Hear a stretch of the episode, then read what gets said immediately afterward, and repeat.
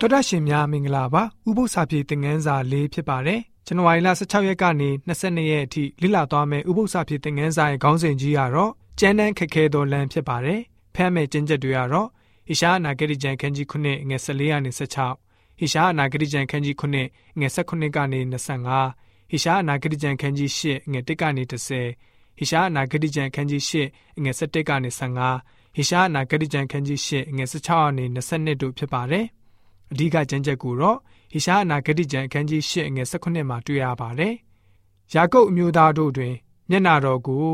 ကွယ်ထားတော်မူသောထာဝရဘုရားကိုငါသည်ဆိုင်းငံ့လျက်မျှော်လင့်မည်ဆိုပြီးတော့ဖော်ပြထားတာတွေ့ရပါတယ်။နယူးယောက်မြို့တော်ဟာလမ်အရက်မှာရှိတဲ့အဆောက်အဦတစ်ခုဟာမီးလောင်နေပါတယ်။အဲ့ဒီအဆောက်အဦရဲ့စရုပ်ထားမြောက်အထက်မှာ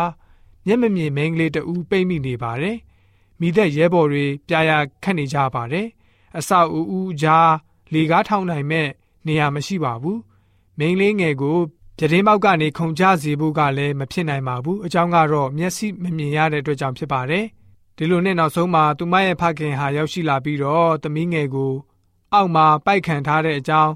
ရေးရဲသာခုန်ချဖို့အတန်ချက်ဆက်ကနေတဆင့်လှမ်းអော်ခဲ့ပါတယ်။ကလေးမလေးဟာစိတ်ချလက်ချခုန်ချပြီးတော့ လုံခြုံစွာနဲ့အထီးခိုင်းမရှိတိုက်ရဲ့လေးတဲ့နေရာကနေရင်းရင်စွာကျလာခဲ့ပါတယ်။အကြောင်းရင်းကတော့သူမရဲ့ဖခင်ကိုလုံးလုံးလင်းလျားယုံကြည်တဲ့အတွက်ကြောင့်ဖြစ်ပါတယ်။သူမရဲ့ဖခင်အတန်ကိုကြားရတဲ့အခါမှာခိုင်းတဲ့အတိုင်းကောင်းစွာလိုက်လုပ်ခဲ့တဲ့အတွက်ကြောင့်လည်းဖြစ်ပါတယ်ဆိုပြီးတော့ Michael P. Green 1500 illustrations for Bible preaching စာမျက်နှာ135ကအကောင့်တို့ဖော်ပြထားပါတယ်။ အဲ့ဒီနီးတိုင်းပဲဖျားရှာဆိုလို့ရှိရင်မိမိရဲ့သားသမီးတွေအတွက်အကောင်းဆုံးလမ်းကိုပြင်ဆင်ပေးခဲ့ပါတယ်။သို့တော့သူတို့တွေဟာဖျားရှင်ရဲ့လမ်းပြခြင်းကိုညှင်းပယ်ခဲ့ကြပါတယ်။ဒါကြောင့်ဖျားရှင်ဟာကျမ်းတဲ့စကားတွေကိုပြောဆိုလာရပါတယ်။အခုတစ်ပတ်သင်ခန်းစာမှာတော့လူတွေရဲ့အမှားယွင်းတွေကိုကျွန်တော်တို့လေ့လာကြရမှာဖြစ်ပါတယ်ဆိုပြီးတော့ဥပုံနေဥပု္ပ္ပစာဖြစ်သင်ခန်းစာကဖော်ပြထားပါတယ်။